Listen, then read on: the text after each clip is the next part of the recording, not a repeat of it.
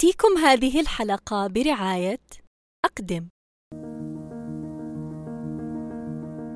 صفتان يحبهما الله ورسوله الحلم والأنا إلى كل من امتهن التمريض أنتم من يجسد معنى الأنا أنا أنوار أقدم بودكاست أنا لإثراء المحتوى العربي التمريضي.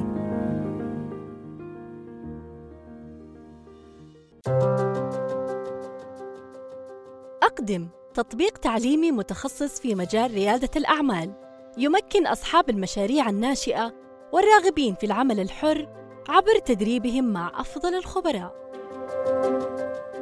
انتظروا موسما جديدا من بودكاست أنا حيث يأخذكم في رحلة مثيرة في عالم الأمراض ودور التمريض في التعامل مع هذه الفئة من المرضى.